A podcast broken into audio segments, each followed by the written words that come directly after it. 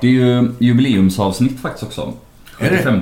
Det är därför det är extra kul att, det är, att vi gör något annat än att bara sitta och köta fotboll liksom, som vi brukar. Ja. Ehm, Det här är ju inte så mycket fotboll för det är ju min stil liksom så. Ja, det, är ju en, ja. en, det är ju snarare en Gais. Exakt. Gaisare det handlar om. En, Exakt. en Gais liksom. Ja, exakt. Det är det som är så grymt.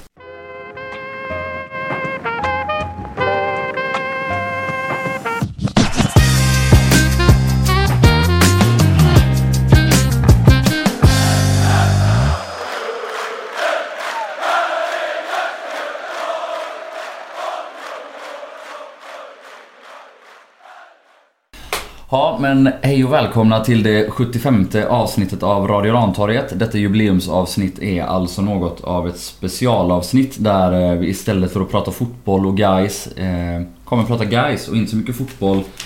Och istället för att ha ett kulturtips i slutet så är det enda kulturgärning ni kommer få ta del av hela det här avsnittet.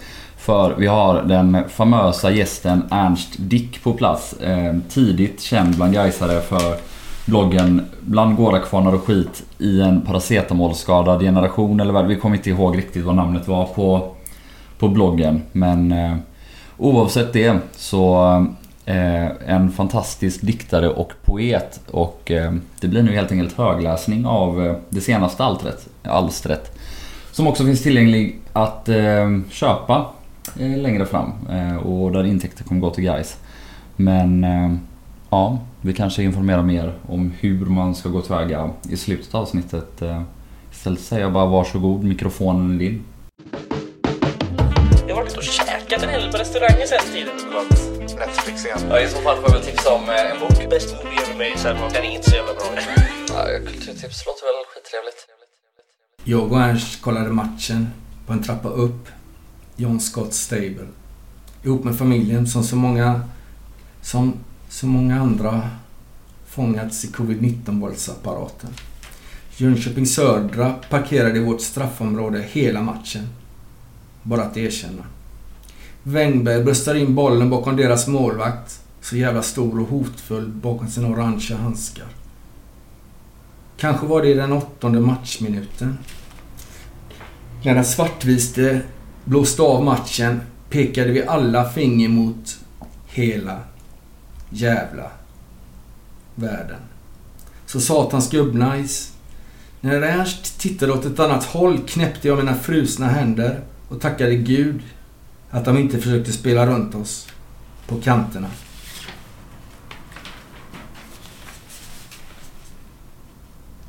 Att skriva om guys är att skriva om livet. Som att vara kock, röra om i köttfärssåsen.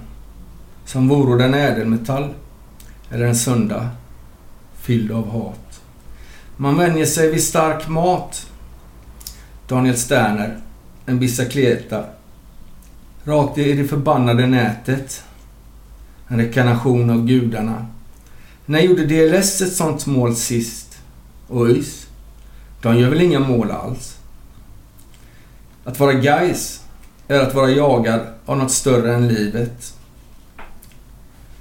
Floristen är allergisk mot blommor men sken upp som en tulpan på väg att slå ut när hon såg målet. Ibland smyger hon in och jobbar när gaissystrar och bröder dör på grund av att livet är livet. Ofta är de kransarna finare än de hon band innan hon blev allergisk mot påskliljor. Ibland får jag för mig att Gais är jihad.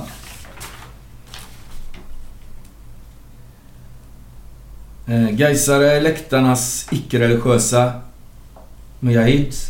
Och när sanningen växer till en cykelspark bakom träramen har man vare sig tid eller kraft att se att Gais inte tog VM-guld. Lite som en eh, kombaris över rätt och fel.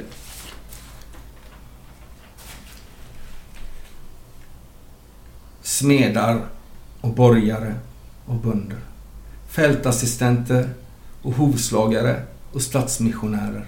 Präster och psykiskt sjuka och psykobillis. Sjuk, sjuksköterskor och avloppsrensare och anglofiler. Kriminella och efterblivna och journalister. Ungar och tanter och entreprenörer. antirasister och moderater och utanförskapet. Hårdrockare och punkare och poeter. Majerna och hissingen och Gårda. Knarkare och suputer och nykterister. Schackspelare och Partille-Johnny och hipsters. Svartmetallare och kängpunkare och mods. Avantgardister och kakelsättare och klottrare. Rörmokare och frisörer och kockar. Indiesnubbar och skotertjejer och rockabillys. Guy Stockholm, semesterfirare och könsbor. Kepsar och hoodies och smårutiga skjortor. Filantroper och misantroper och psykologer. Rockers och skräddare och hiphoppare.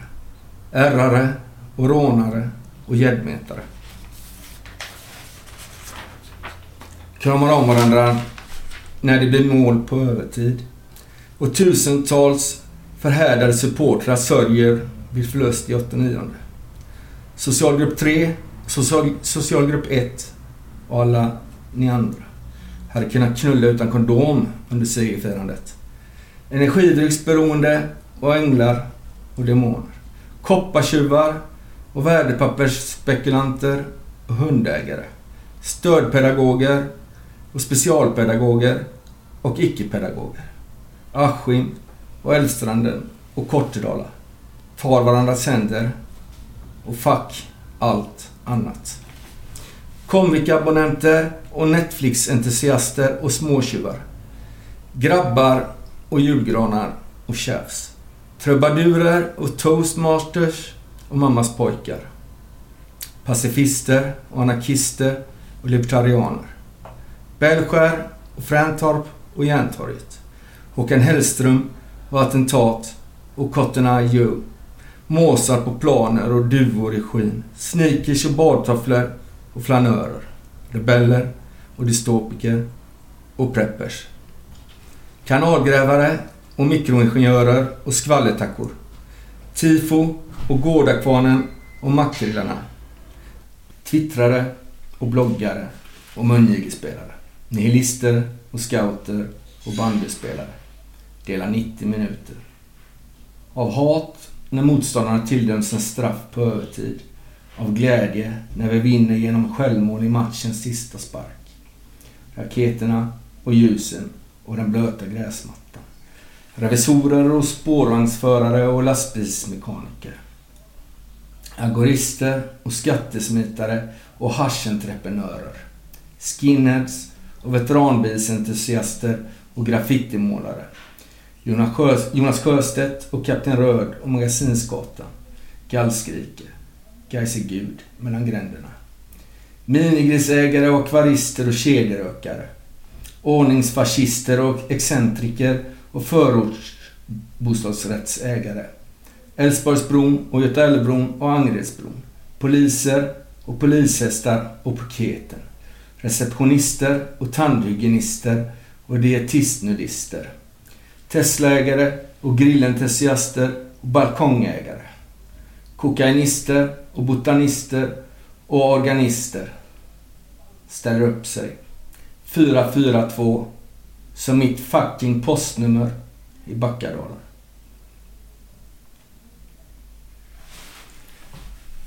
Bland det roligaste jag visste på naturbruksgymnasiet var att hänga med Vangboa. En skärpt fyra år äldre grabb från Nösund. Han kunde inte bara köpa ut från bolaget utan hade även en jättefin Amazon med en gigantisk träkuk fäst på huven. Amazonen hade samma blåa metallicfärg som en kungsfiskare. Vannboa brukade åka till Rasta i Håby på fyllan. Jag fattade att han var full. Jag var ju inte dum i huvudet. Men jag minns aldrig att han vinglade, vinglade eller sluddrade. Vi hängde med på trixet att korsa E6an i så hög hastighet som möjligt. Det var slumpen som avgjorde om det skulle bli en pjäs i en frontalkrock eller inte. Vägen kallades Fyllevägen. På stereon spelade en Tombs But Life Goes On. Mörkret stängde in sig i oss och vi förvarade det som en liten saga.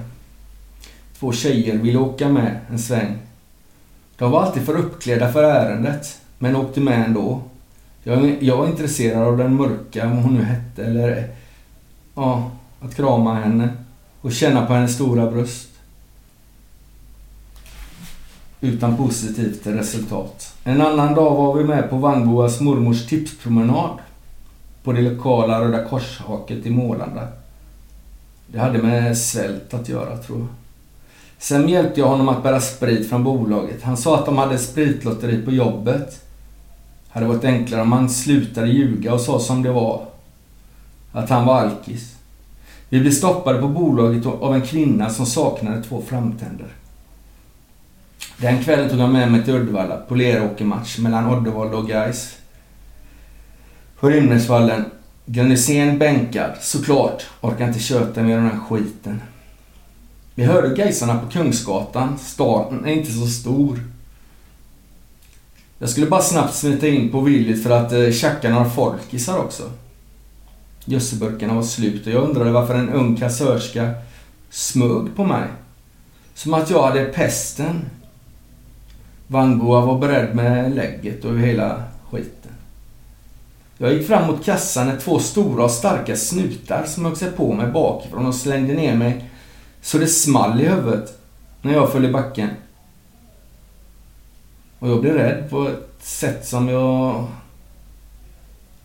aldrig varit tidigare. De vände på mig och bojade mig. Det gjorde ont när de drog och fläkte i armarna som om de var gjorda av gelé.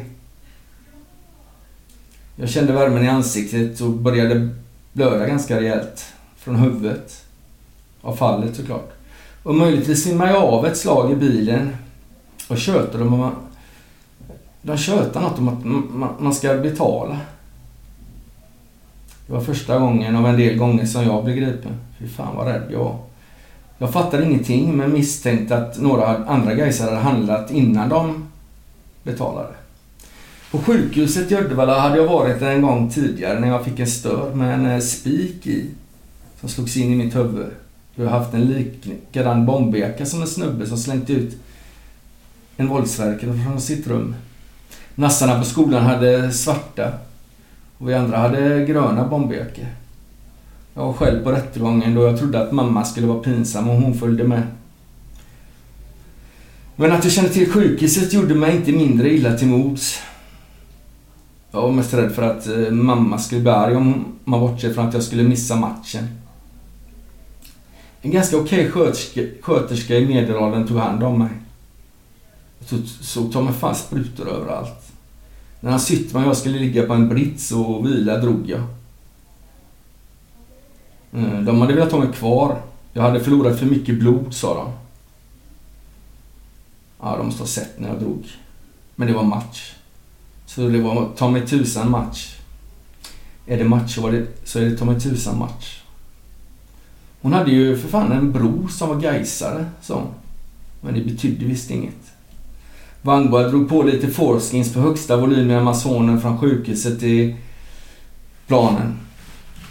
En tjej som hette Lina med en tatuerad makrill på benet frågade hur jag mådde. Hon tyckte jag såg lite blek ut. Jag sa att jag var törstig. Då gick hon och hämtade en Pripps blå rätt av. Hon ville inte ha några cash för den heller. Jag hade bara vågat ta med mig folkisar in på arenan. Ja, det var några andra också som eh, frågade om mitt plåster men jag vågar inte säga att jag fått stryk av två blodtörstiga vildsvin. Jag ville inte... Eh, ja, jag ville inte verka vara en löjd. I pausen spydde jag. Att jag såg dubbelt var svårt då min eh, bror eh, kommenterade matchen och ställde frågor hela tiden. Konstiga under matchen var inte att eh, Glenn Hysén var bänken utan att, att ett par tjejer tog kontakt med en sån som mig. Det var till och med en som sa att jag var söt. Även om hon kanske drev med mig. Det kanske gör detsamma. Hon var på fylla med sånt i livet. Sen dör man. Jag fick en bamsekram av den eh, ljuvliga flickan med makriltatueringen också. Det kommer jag faktiskt ihåg. På kvällen åkte vi taxi till Henons enda pub som hette typ Kristers eller vad det var. En pizzeria med trubadur. Ja, ja det var lite bonnigt alltihop. Men jag ropade efter Nirvana och Sex Pistols. Eh, jag vågade inte prata så mycket för alla verkade känna varandra. Men en flicka kom med ett glas vatten som hon tyckte jag skulle dricka. Jag ställde bort vattnet när hon inte såg. Hata vatten. Hon frågade vem jag var säkert för att jag var enda utbildning på stället. Sen eh, åkte jag på en omgång av Vagnboas äldre kompisar. Det var nämligen så att Vagnboa började spy utanför en port och vandra in i svalen samtidigt som eh, han fortsatte spy. Jag fick inte stryk för att jag inte hindrat honom, utan för att han sa att han, in, att han inte visste vem som hade gjort det där. Konstigt att det ska vara så svårt att erkänna att de eh, större grannarna tål lite mer än små revbensspjäll som han. Kroppen var tunn när jag blev körd till bussen följande dag. Jag tog upp en eh, lapp i fickan och det stod Marie på den. Det stod ett nummer bredvid bokstäverna och jag mindes någon som hade stoppat in ja, typ tungan i munnen på mig. Och jag hade vispat tillbaka lite för att inte vara en fegis. Jag minns om det var hon eller någon annan. Ett par ögon av- av mörkerfärg. Ja, vackra. Men om det fanns något samband mellan de vackra ögonen och eh, lappen, lappen och tungan, det har jag ingen aning om. Jag såg i mig helgen som fotbollens jungfrusil. På bussen hem luktade jag fimp. Men jag brydde mig inte ett skit. Jag tror jag hade hittat ett hem. Eller kanske en egen nyckel och säng. Någons hem där jag var välkommen tillbaka. Ernst messar mig. Kapten Klänning, Glenn Hysén, Hagaman. Ernst mässade senare samma dag. Inom litterära och finkulturella kretsar kallas Gais för fotbollens Nikanor Teratologen. ÖIS lika med Camilla Läckbergs tuggummi snusk. Blåvitt lika med Se och hör. Jag skulle tagit tåget upp till Stockholm för att se Viagra senare i år. Om det inte vore för den förbannade coronan som kopplat greppet helt om våra liv och isolerat oss. De flesta av oss skulle kunna hålla en självhjälpskurs i hur man förlorar kontakten med livet. Fotbollsklubbarna går på knäna ekonomiskt och har förlorat det mesta av intäkterna som är kopplade till oss supportrar. Skillnaden mellan en grönsvart vinst och en grönsvart förlust är att jag om möjligt känner mig ännu mer som en klumpstruts vid torsk. Det positiva med vinterns slask som pågår utanför mitt fönster är endast att superettan vilar, superettan vilar nerverna. Det går inte att förlora en endaste poäng och inte en endaste reporter kan skriva ut sin skadeglädje över misslyckade bakåtpassningar och sena baklängesmål förrän de sabla träningsmatcherna startar. Både vi och Gais toppar formen mellan föregående och kommande säsong. Då håller vi hela jävla världen i våra famnar. Slipper transformera, transformera alla dessa förluster och beräkna vad som krävs för att vi inte ska bli omsprungna av våra torra men mammiga konkurrenter. Mörkret beskyddar mig från min förgiftade spegelbild i de bensinfärgade vattenpölarna. Ett tag till innan det är dags för seriematcher. Ensamheten. Inte byn ensamheten. Inte armbryterskan från ensamheten. Utan den ensamma ensamheten som trillar över oss när fotbollssäsongen håller stängt med armarna i kors.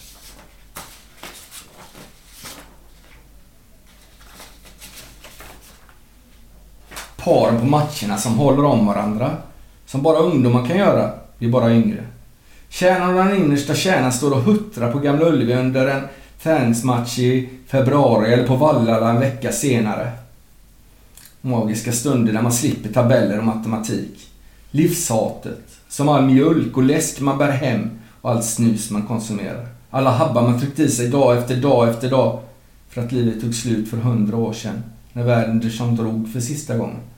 Saknaden eh, och hamlade Salix som knippen av förväxta tårpilar. Att återföras igen efter superettan högre upp i systemet för att vila i kokande blodet med siktet inställt på Europa. Fast världsliga saker som framgång inte har med supporterskapet att göra. Alla ekorren som bara väntar på att bli hundraåriga ekar mellan trädgårdsföreningen och insläppet på Gamla Ullevi. Arbetet och stämpelklockorna och teet man köper i Lötsvikt på hörnet vid Kopparmära efter matcherna som bandage för att man är mer värd än en kopp silverte. Tricky på stereon, den nya plattan Fall to Pieces efter en förlust mot något sketgäng. Friheten. Vad gör man med den när fotbollen ligger nere? Bor han kvar där i Bristol? Hur mycket pengar har han lagt på röka de senaste 20 basten?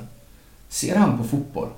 Vet att Trickys polare i Massive Attack är en hängiven Napoli-supporter och att han också följer Bristol City. Hans eh, morfar var från Neapel. Kanske Tricky också sympatiserar med Napoli. Men eh, brister Bristol har säkert nog med sina egna plågor. Vi supportrar kommer fortsätta tända eld på oss själva som asiatiska munkar mellan säsongerna. Och vi lite äldre kommer be de yngre att kasta ner vår aska från de övre läktarna på Gamla Ullevi. Som en passning till när inte kastade ner en vespa från eh, läktaren en gång i tiden. Som den gamle gode Bukowski sa, summan av antalet slitna kroggäster är alltid detsamma. Densamma. Bara objekten skiftar. Innan försäsongen räknar vi galäslavar Innan försäsongen räknar vi galäslavar varandra som bor vid renar. Vi är redan märkta, men vi märker varandras öron själva och vi behöver inga renägare. Spelare och ledare och supportrar och barn som leker och tjoar som vore det ständigt tre poäng. Och vår, med en rykande sommar på en armlång längds avstånd. Och en höst där vi får vråla oss sönder. Mellan säsongerna i den tiden på året. När vi tänker på våra systrar och bröder som har hamnat i kläm mellan sprickorna i teglet. Den tiden på året när vi minns våra äldre och i bästa fall tar vara på dem lite ihop. Någon slags kontemplation som inte går att beskriva med ord. Än mindre utan. Mina bröder begravs tungt på kyrkogårdar som inte väntat dem. Under begravningsceremonierna tar vi på den enda vita skjortan vi har. Som är ströken. Oftast med en liten gul fläck på kragen som ingen ser men som vi tänker på under hela ceremonin. Tårarna rinner för Gaisarna som flyttat till andra världar. De hade också gått på flugan med... Har de också gått på flugan med att odla chili i sina himmelsfönster? Kanske har någon av dem ett gäng gröna och svarta chilis sina fönster att skörda rituellt inför match? Visst hade Gunnar Eklöf en poäng när han skrev att innerst inne är vi ingen. Jag skulle behöva en hamlad tårpil utanför era fönster. Jag skulle behöva ett fönster mot er himmel och se in genom från en gren i min tårpil.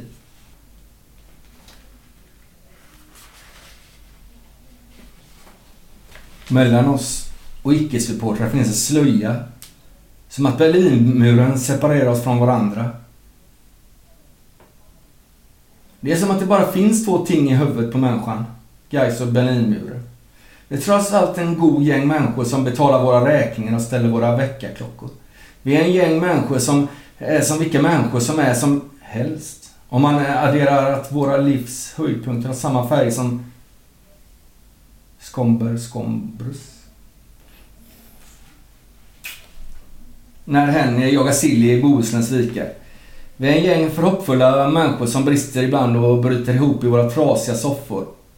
Vi ger bara upp stundvis. Då det finns så mycket friskhet i oss.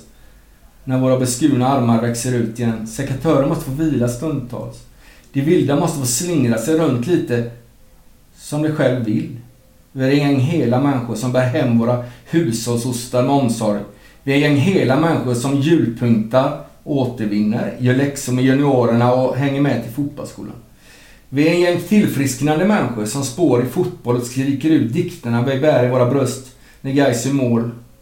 Eller släpper in mål.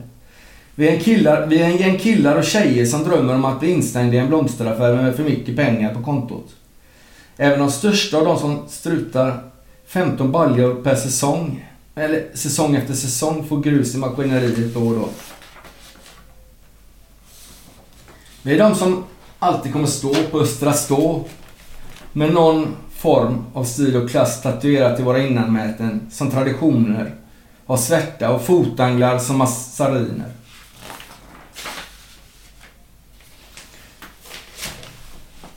Det var när jag fortfarande orkade cykla sex mil på en dag, tre mil åt vart håll. Det var när jag såg de blåa gliporna mellan de citronfärgade molnen. Det var när jag käkade gröna och blev helt blå om munnen med samma frenesi som ungdomarna i indianreservaten tar i sig metatjack. Jag arbetade på ett ungdomshem med att få ungdomar att säga nej till knarket. Det var ungdomar som snarare såg sin institutionssäng som sörjigt avloppsvatten en rosa fluff-fluff. På vägen till arbetet mördade en långtradare mina nya sneakers. Jag är inte Johnny Sassela som smörjer in sina nya med hundskit för att det är punk. Stationen söder om Göteborg är av typen att luften är hög och kall om kvällarna på ett nästintill bibliskt vis. Klockan var 16.03 när larmet gick i den stuga som heter Havet. När jag kom in var det fullt vev. En man som en mamma burit och som säkert på förstagspresenter låg under ett par ungdomar. Jag åkte genast på stryk, men fick tag i en stol och ungdomarna backade. En ungdom hade en arm på varje sida om en behandlingsassistents hals. Jag sa att det var den vi brukade kalla brandmannen. Ett par kollegor slog och bände loss honom. Jag lade särskilt märke till de fårade händerna och lika snabbt som det hade börjat var allt över. Det fanns bara en isoleringscell på varje avdelning så vi fick sprida ut ungarna. I dessa lägen vill man bedöva sig med något ryskt. De kan sina grejer. Jag vet hur man löser upp hjärnor till stumpar av krympta stearinljus. Jag satte mig i soffan mellan två kids när jag kom tillbaka till avdelningen. En annan behandlare frågade om det gått bra och jag nickade lamt. Måste sett ut som en återvinningsstation angripen av ett ton hungriga gråtrutar. Utan en aning om hur jag hamnat där kom jag på mig själv med att stå och diska en plåt i köket. Repad plåten med ett nistan och järn, någon slags storebror till, det klassiska, till den klassiska stålölen och tänkte på att min lärare från småskolan kallade stål för kökets konung. En av grabbarna smög sig på mig bakifrån tryckte till mig med sin fot i knävecket. Jag spottade ur mig något om varför jag inte bara kunna få stå där och diska som en konturlös gråzon. En efterbliven pojk zappade som att en fjärrkontroll kunde hjälpa honom bort. Precis då slog klockan halv elva. Dags för inlåsning. Vissa dagar är det skönare än andra att lämna ett jobb som för länge sedan slutade att ge något annat än rent stål. Det gick att se även i den svarta skymningen. Bara ögonen vande sig. När jag kom till Kållered mötte jag gubben med gråhunden som bar en fristadsjacka som vore den en kostym i 3000 kronors klassen. Det jävla regnet gjorde återentré. Inte gjorde dessa tags av fiendens fotbollslag saken bättre. Hade det hängt en snara från en viadukt hade helvetet fått ett abrupt slut. I Mölndals centrum mötte jag en hel familj gräsänder. Ytterområdena är så otroligt tysta sådana här nätter. Att det känns som att man är den sista överlevande i någon nihilistisk dystopisk långfilm. Att påstå att det som hände mig den här aftonen hände mig dagligen vore att ljuga med en trio förhållandevis unga män korsade gatan och sjöng. Gårdakvarnen som maler ner på planen. Och då blir det grönsvart mål. Och vi på ståplats säger skål. Gårdakvarnen mal igen. Plötsligt torkade mina kläder. En sketen måndag. Och tröttheten den flydde. När jag kom hem till Hisingen hade någon satt upp ett grisigt klistermärke på Ruben Svensson ingen svarade. Säkert för att få mig att åter börja förtvivla. Här skulle stått om ÖIS, men ett lag som gör narr av faktum, de hemlösas tidning, finns det inget att skriva om. Möjligtvis att E-Type vann priset som årets ÖISare 2020.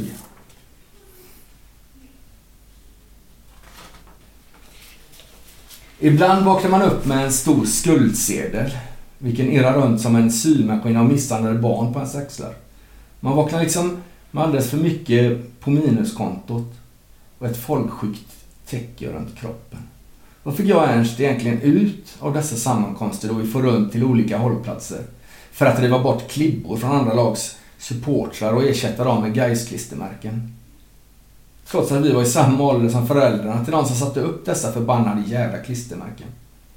Jag satte på kockspärrar mot min håglöshet, trodde jag.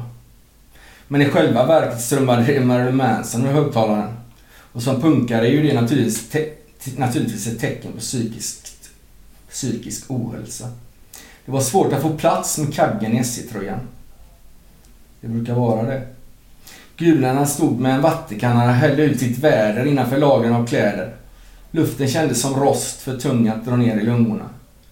Fick i hast eh, dra iväg ett sms till min bundsförvant, Sen. Fick okej okay som svar. Erstick hade tagit på sig rollen som seriefiguren Kapten Stofil i verkliga livet. Chauffören såg ut att vara hämtad från någon baltisk B-parfilm från 90-talet. Mitt emot mig satt en man som såg ut som en Jens Bond med en Burberrock. Och en tjej satt och gullade med sin hund som hette Bosse. Det hörde hela bussen.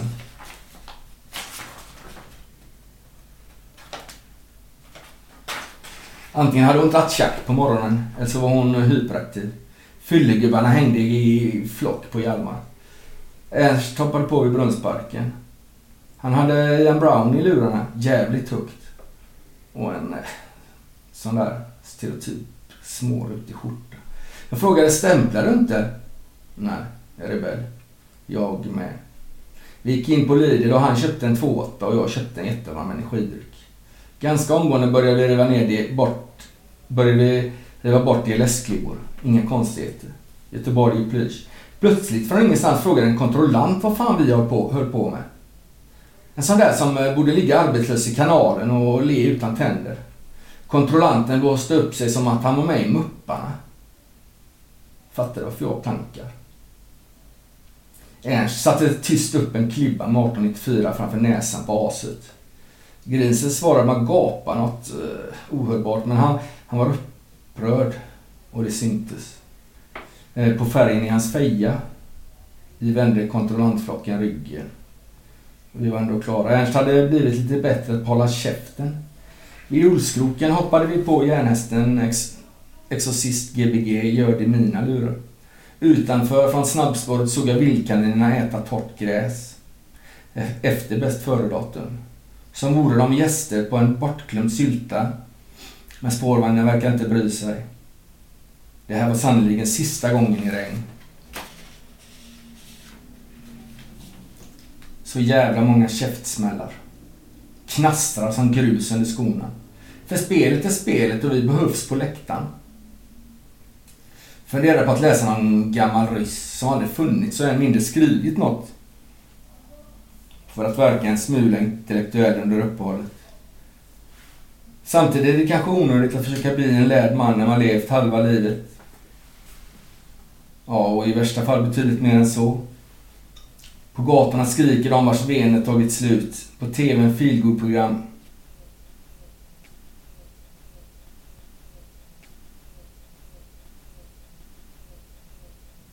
Under gymnasiet råkade Ernst svara att han ville bli fotbollshuligan när läraren frågade vad han skulle bli när han hade slutat skolan. Han befann sig redan i ett utsatt läge då han veckan innan kastat en innebandyklubba som träffade en tjej i ansiktet när hans lag inte vann en match.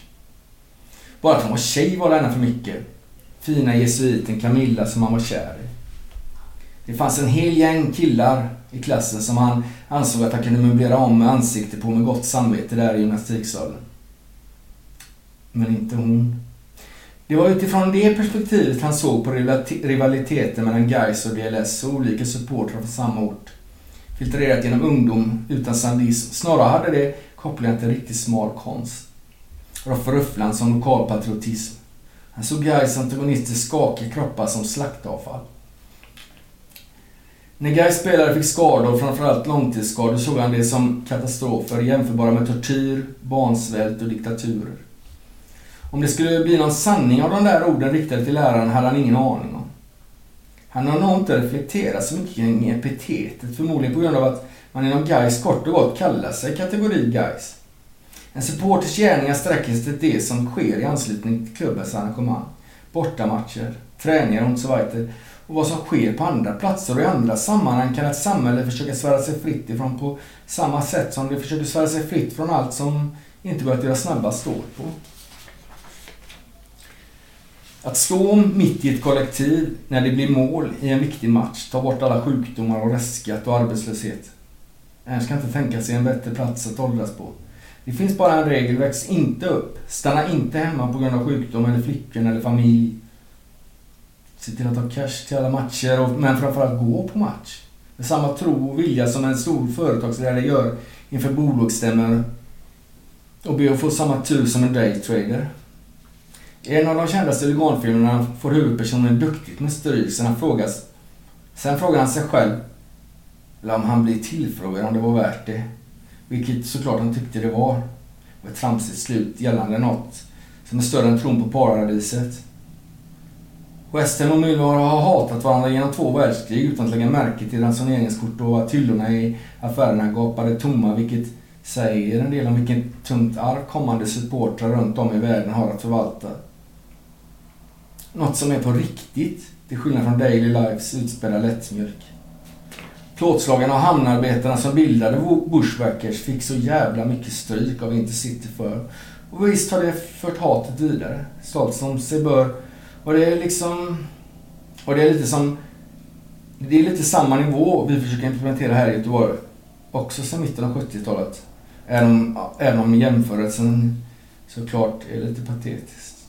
Skillnaden är ju också att West Ham har möjlighet att bli fyra i ligan och att det för Gais bara spelas en, spelats en seriematch så far. Vi har en möjlighet att avsky och älska oss ur alla situationer fast jämförelsen med England som sagt såklart måste tas med en nypa salt. Ur ett historiskt perspektiv kan man ju omöjligt se att avsky funnits på samma planet här. Men om man inte har höga mål kan man lika gärna somna på en oupplyst motorväg efter en 01-träningsmatch mot Sylvia i Norrköping i ösregn. Vi bör jämföra oss med de som äter sina egna kråkor för att inte ta bort ett uns av något som skulle kunna bli fo till fotboll.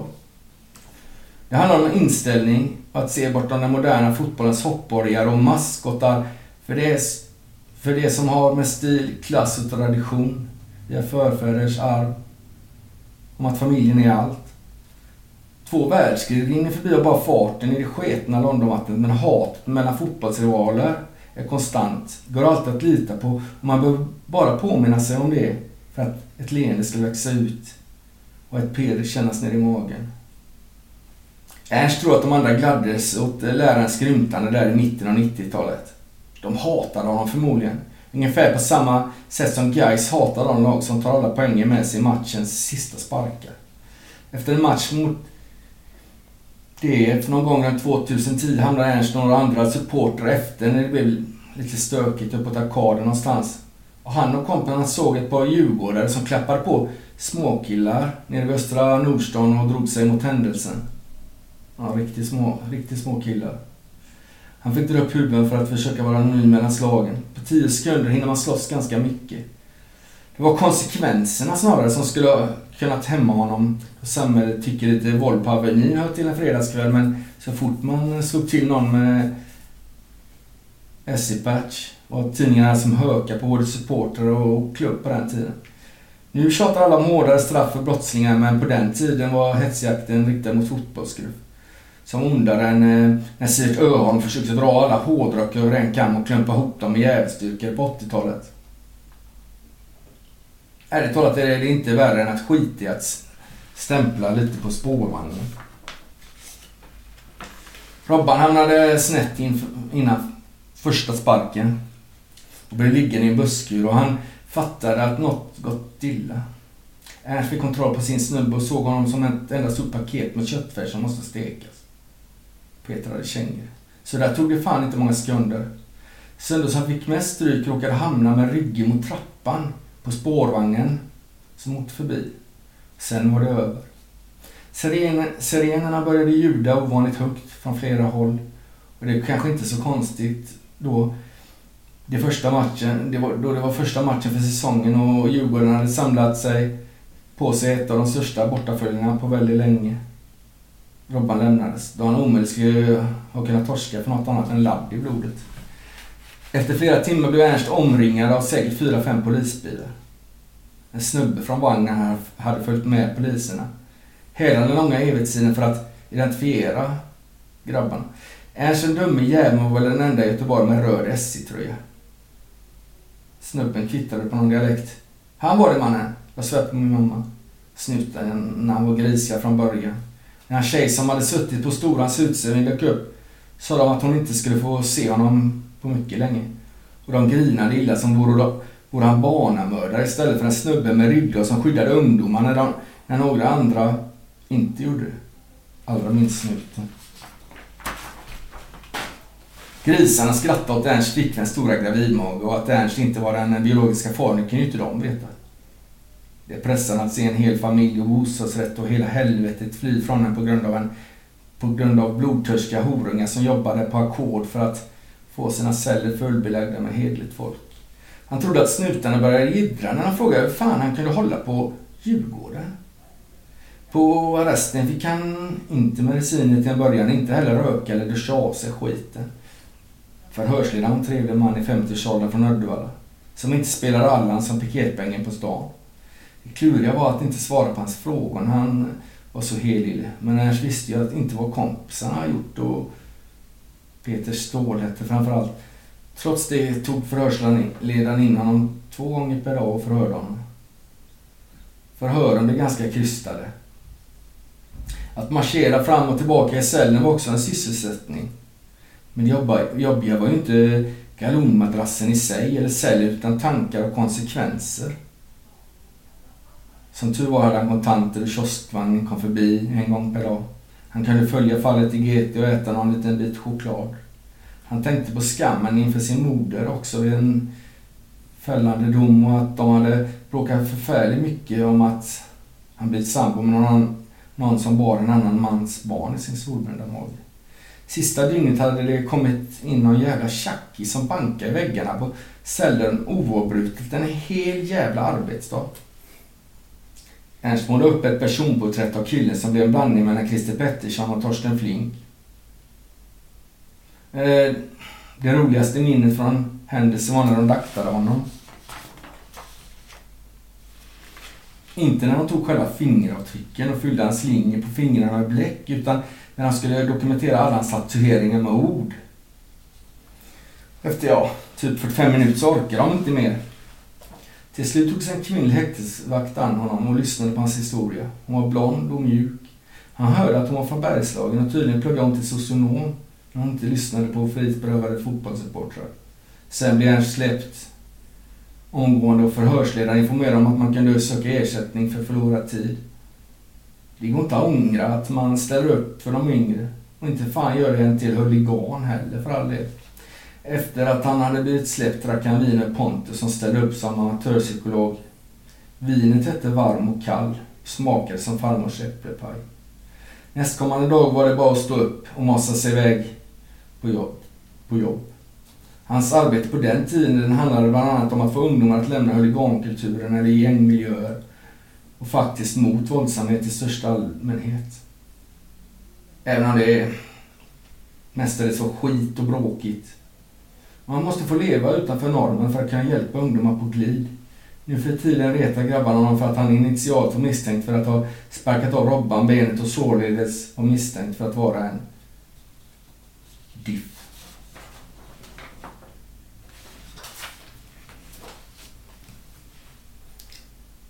Efter en match mot Ljungskile lurpassade ett helt annat supportgäng under träden vid trädgårdsföreningen. Allt blev svart tills Ernst vaknade upp på sjukan. Med ett huvud som kändes som en ballong.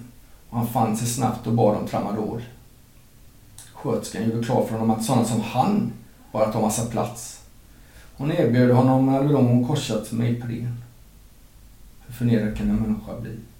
Någon kom in och talade om att han hade frakturer på vissa revben medan andra var helt av. Men att han låg så att det inte riskerade att, bli stick, att sticka hål på någon av lungorna. Han hade nog också diagnosen kraftig hjärnskakning.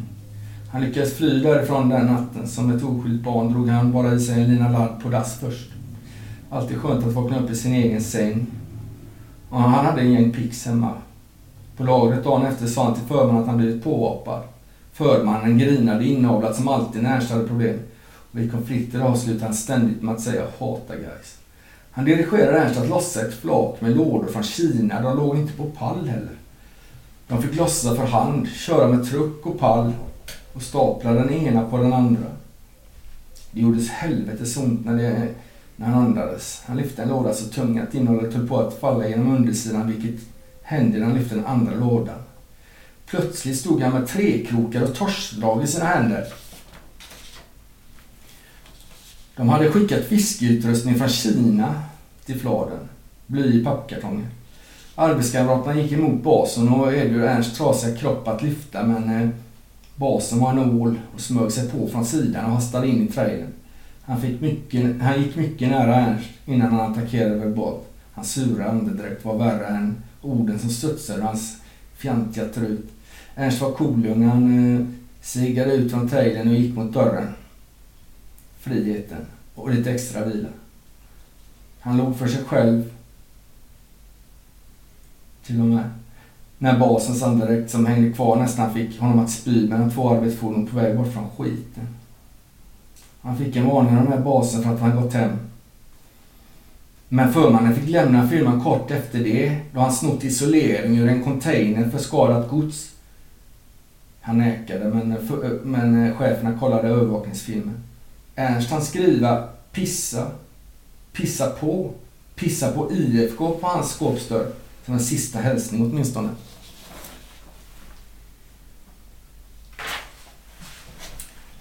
Jag är sjukt disträ. Jag hade glömt att festen var den 9 april. Efter alla långhelger var helgerna så futtiga att de försvann i en dy av vardagsgrå totalitarism. totalitarism. Om sanningen ska fram så hade jag nog eh, förträngt deras medelklass helvetesfest. Jag hade tänkt boka av för att slippa alla korrekta flanor, flanor åtminstone ett år. Jag tänkte göra slag i saken var det för sent att boka av. Jag ringde Ernst som såklart hade, inte hade någon förståelse. Det enda han tänkte på var matcherna och internetbedragare. Han befann sig i en annan värld. Som att jag inte hade tillräckligt med skit under mina naglar hade Ernst dessutom ringt sig sjuk. Men i så god tid att det inte var några konstigheter. Jag blev tvungen att åka dit. Man skiter ju inte där man äter. Det var en liten mjölkfläck i något annat på SJ-tröjan. Hur mycket jag än skrapade med nageln över fläcken syntes det att det var en fläck även om det blev något bättre desto mer man skrapade. Ah, jag sket i det. Vi kan ju inte hänga på det ena. Tänkte jag samtidigt som jag hällde på det där eh, rakvattnet med en kåt hare på flaskan. Det luktade så jävla gott. Jag missbrukade den då jag visste att kvällen skulle bli lång. Jag sprutade till och med under kepsen. Det hade varit Boråsväder i flera dagar. Alla hatar det men ingen flyttar. Göteborgare är i stort en drös masochister. Jag satt fram i bussen. De stora vindrutetakarna arbetade febrilt som att ligister stod på taket och pissade ner på rutan. Jag hade munskydd på tåget. Det hade varit finare med rånarluva.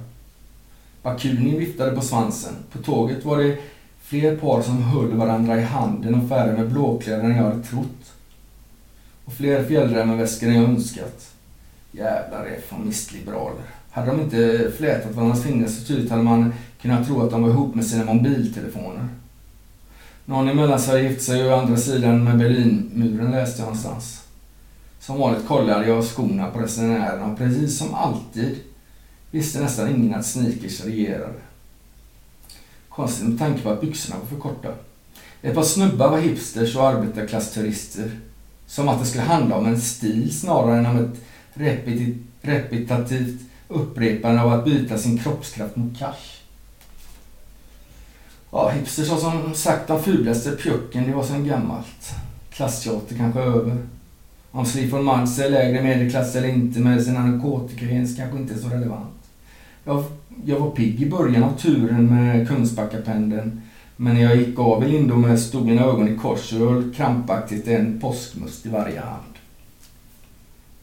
Geografin i Lindome lär jag mig inte precis som Ernst som går bort sig totalt när han går in på en sida av ett köpcentrum och kommer ut på, det, på den motsatta. Den typen verkar trivas med radhus och kött över häckarna. Med grannar som hellre kommenterar Idol än fotboll. Och hellre låter sin talan spira än låta hedligt folk vara i fred, kontemplation och självvald tystnad. En granne med tatuering på halsen kollade posten.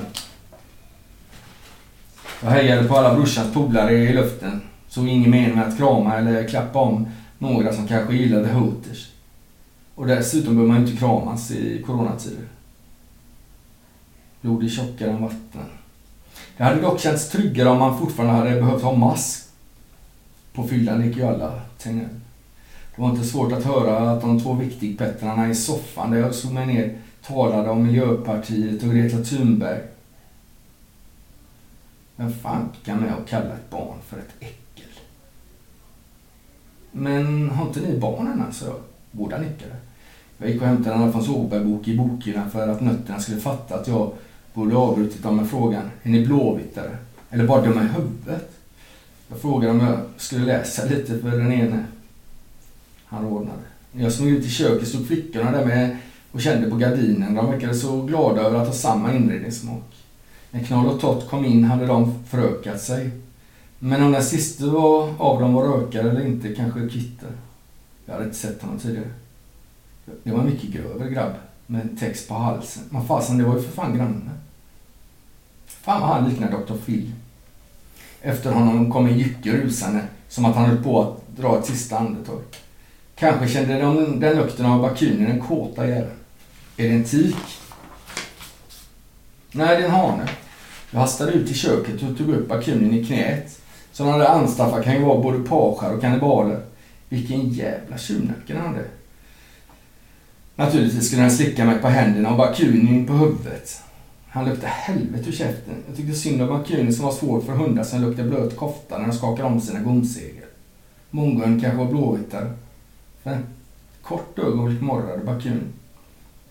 Grannen som jag aldrig uppfattade namnet på gick fram till min brors mobil och bytte musik. Som att han bodde i kåken, vilket han kanske rent, ja, gjorde rent bokstavligt. Det stod VM på bröstet på hans piké. Basgången som ljög gick inte att ta miste på. Unknown Pleasures öppningsspår. Ser du att du har Gais gaddat på knogarna? Jo. Då är du ju i det här. Men brorsan är gärna Gais. Okej. Okay. Det har jag inte sagt. Hur känns det att vara lillebror? Jag är storebror. Aha. Sätts i två sekunder innan slagen i bältet. Det stod GM på mitt bälte. Jag kommer snart ska bara hämta en grej sa Blåvita när han flög upp i soffan och stängde ytterdörren bakom sig. Bara ett par andetag efter att grannen stängt dörren bakom sig hoppade Bakunin ur soffan och rusade sig ut mot köket. Utan att se de två jyckarna hörde jag att det blev bråk i köket. Bakunin gläfste och spottade ut massa hår och jag störtade in och det krasade när han tuggade för glatta livet. Jag kände mig orolig att han skulle ha skadat sina tänder. Jag klappade honom och sa Okej, du får inte slåss. Plötsligt stod han där igen. Eh. Han höll en flaska sprit och två snapsglas i näven. Såg att det var whisky, en dryck för killar som checkade sig. Vad händer? Har du spilt rödvin eller? Ja, ja, jag vet inte. Bakunishka visste upp hunden du hade med dig. Han är liksom inte med ena, men jag är inte inblandad. Båten gav ifrån sig ett konstigt gurglande läte. Det är som en blandning mellan hulkande och morrande. Han dreglade, men jag kunde inte med att göra honom uppmärksam på det och med där om munnen. Systematiskt som en vettring slet han upp alla dörrar till köksskåpen. Visst förstod jag att han var både ledsen och chockad men lite kunde han stila sig när han var främmande. När köket var genomsökt gick han igång i vardagsrummet och sökte igenom barskåp, räckte upp bokhyllan, öppnade dörrarna till TV-bänken, kollade soffan, skakade divanen och sökte igenom återstående utrymmen en aning för våldsamt för att det inte var en kant. Han snyftade och snörvlade. Det var ovanligt att höra en så pass vuxen karl lipa och säckla som ett barn. Brorsan klappade honom på axeln som att det vore hans piltunge. När grannen hade sökt på övervåningen orkade jag inte mer. Jag signalerade till bror att jag skulle dra. Konstigt nog verkar han okej okay med det. Även om han eh, själv eh, blev, blev själv med allt det där. Plötsligt skrek Knoll, eller om det var Tott från övervåningen, att Blåvitten trodde att han var en hund. Jag antog ju såklart att han knullade någon på benet på fyllan. För att bli på bättre humör.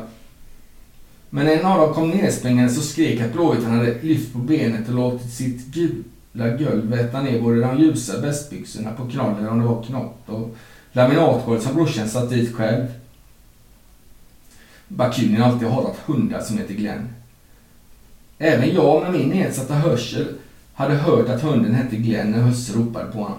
Kom hit Glenn pojken, kom hit. Kom hit gubben. Jag bar Bakunin i famnen så jag skulle komma till tåget snabbare. Jag kände mig ena skyldig tills jag öppnade dörren till min egen svalor på Hisingen en gröna. När jag, när jag nästan somnat började Bakunin kaskadspy. Jag han tänka att det värsta som finns är hund och barnspyande, barn, hund och barnspya och säcklande vuxna grannar. En engelsman som Ernst träffade på Bali liknade sitt supportskap vid en mamba som ringlade sig över dörren i ett litet kyffe den enda möjligheten att komma ut är att smyga ut med en mamba ovanför huvudet. Ernst tyckte att det fanns något ärligt och rakt i den jämförelsen. Bakgrunden till jämförelsen var när Ernst och hans kompis Magnus såg en svart mamba ringla ut genom en liten trasig öppning där det strömmade lite vatten på tvären genom en strandpromenad gjuten i betong. Kanske ett avlopp. Magnus gick så nära att han kunde ha klappat den och tog ett kort. Balineserna skrek som vore de jagade en tsunami. Det var i svallvågen av den incidenten som den engelske fotbollshuliganen berättade att kyffet han bodde i och den svarta mamban som låg ringlad runt en gardinstång till ett draperi och att han hade varit tvungen att ta sig ut samma väg som han hade kommit in. Jag såg ingenting om att en mambo faktiskt bara lever i Afrika. Giftormar som giftormar. Det var senare samma kväll som man jämförde den händelsen och det komplexa med att vara fotbollssupporter för att få Ernsts kompisar nästan aldrig hängde med på matcher med på tåget. Engelsmannen hade flyttat till Bali för att han drabbats av KOL på grund av att han njutit av både för många cigarrer och cigaretter under sin stund på jorden. Senare på fyllan frågade Magnus hur lite KOL kunde få bort honom från fotbollen och hemlandet. Som svar på den frågan kastade engelsmannen en kopp kallt kaffe rakt i färjan på Magnus. Slog sönder stolen han satt på och välte bordet. Sen steg han bort förbi ett helt gäng med moppar tills han kom fram till sin egen. Den var lätt att känna igen då den hade en Burley-vimpel fastsatt bak på. Han välte den, hoppade jämfota och sparkade järnet på den. Då båda svenskarna blev tvungna att erkänna att den gamle huliganen hade en fantastisk kondition för sin ålder. Helst med tanke på kolen också. Följande dag var den krumma supporter som bortblåst. När någon förra veckan frågade honom Du, du vet att Gais bara är ett fotbollslag här? svarade Ernst. Du har aldrig varit på Bali va? Jag minns särskilt en resa med dåvarande tjejen till Dublin där vi trodde att vi tittat på världens längsta bardisk. Men den ligger visst i Düsseldorf. Irland som land kanske går bra men flertalet av den unga befolkningen på bargatorna hade rejält kassa tänder. Med många gluggar, kanske på grund av närheten till England. De flesta drack en half pint i den dyra krognatten. Jag hade en del engelska kläder på mig, vilket en god gäng fotbollssupportrar inte var så glada åt. Förmodligen republikaner. Men när det kom fram till att vi var svenskar sken de upp och skrek Henke Larsson rätt ut. Naturligtvis. Vi drack ganska häftigt ihop den kvällen och fram på småtimmarna fick jag för mig att eh, lura Celtic-supportrarna att sjunga Heja Guys. Så jag sa att vi i Sverige hade smeknamnet Guys på herr Larsson. Vi kom upp i samma sångtekniska klass som de halvfulla pensionärerna i filmen Fragment ur, sång, ur Sångfåglarnas dagbok. Men där då tyckte jag att det lät som att det var en god gäng som borde sjungit guys sånger istället för att jobba på byggen. Hela krogen sjöng i varje fall Heja guys. Heja guys. Heja guys. Heja guys. Heja guys. Heja guys. Heja guys. Heja guys. Heja guys. Heja guys. Några av Celtics supportrar från land och övade som om de skulle uppträda på Operan. Följande dag, samtidigt som deras gulsprit var dödsstöten. Jag blev för full och fick erkänna mig besegrad. Tillbaka på hotellet spydde jag på hotelltoan rakt ut över hela helvetet. När jag vaknade brann i bröstet. Jag grämde mig över att filmen jag spelat in med Guys Dublin var av dålig kvalitet. Jag hann i alla fall bjuda tillbaka till de tappra sångfåglarna innan kvällen var över. Döm om min förvåning när jag några dagar senare hör någon säga guys på ett skevt sätt bakom min rygg. Och det var en av Landosnubbarna. Mission completed. Ingen ytterligare repetition.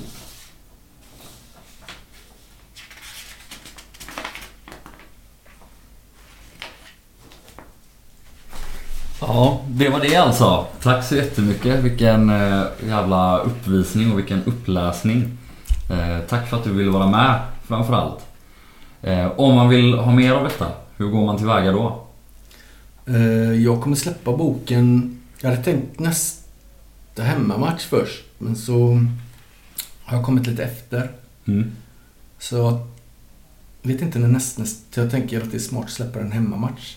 Mm. Men jag vet inte när nästnästa hemmamatch är. Då tänker jag i alla fall att den ska vara klar. Mm. Och då går man till John Scotts helt enkelt och där Ja. står du med böckerna i hand och... Jag tänker också om Tifo kanske säljer något på arenan så Mm. kan jag ta med mig den dit också. Mm. Perfekt. Och den kommer kosta 160 kronor och allt förutom tryckkostnaden kommer gå till guys. Mm. Fantastiskt fint. Eh, tack för att du ville vara med. Och eh, jag kom på att, hette inte bloggen någonting om en MTV-skadad generation? Just det, Bland gårdakvarnar och skit. just det. Var paracetamol och det här andra kommer ifrån, det vet jag inte. Om du har ett ännu längre namn eller om det bara är någonting du har skrivit vid något annat tillfälle. Men... Eh, Det ja. kan ju passa i någon... Eh, kanske... Ja, nu har man inte bloggat så mycket men i...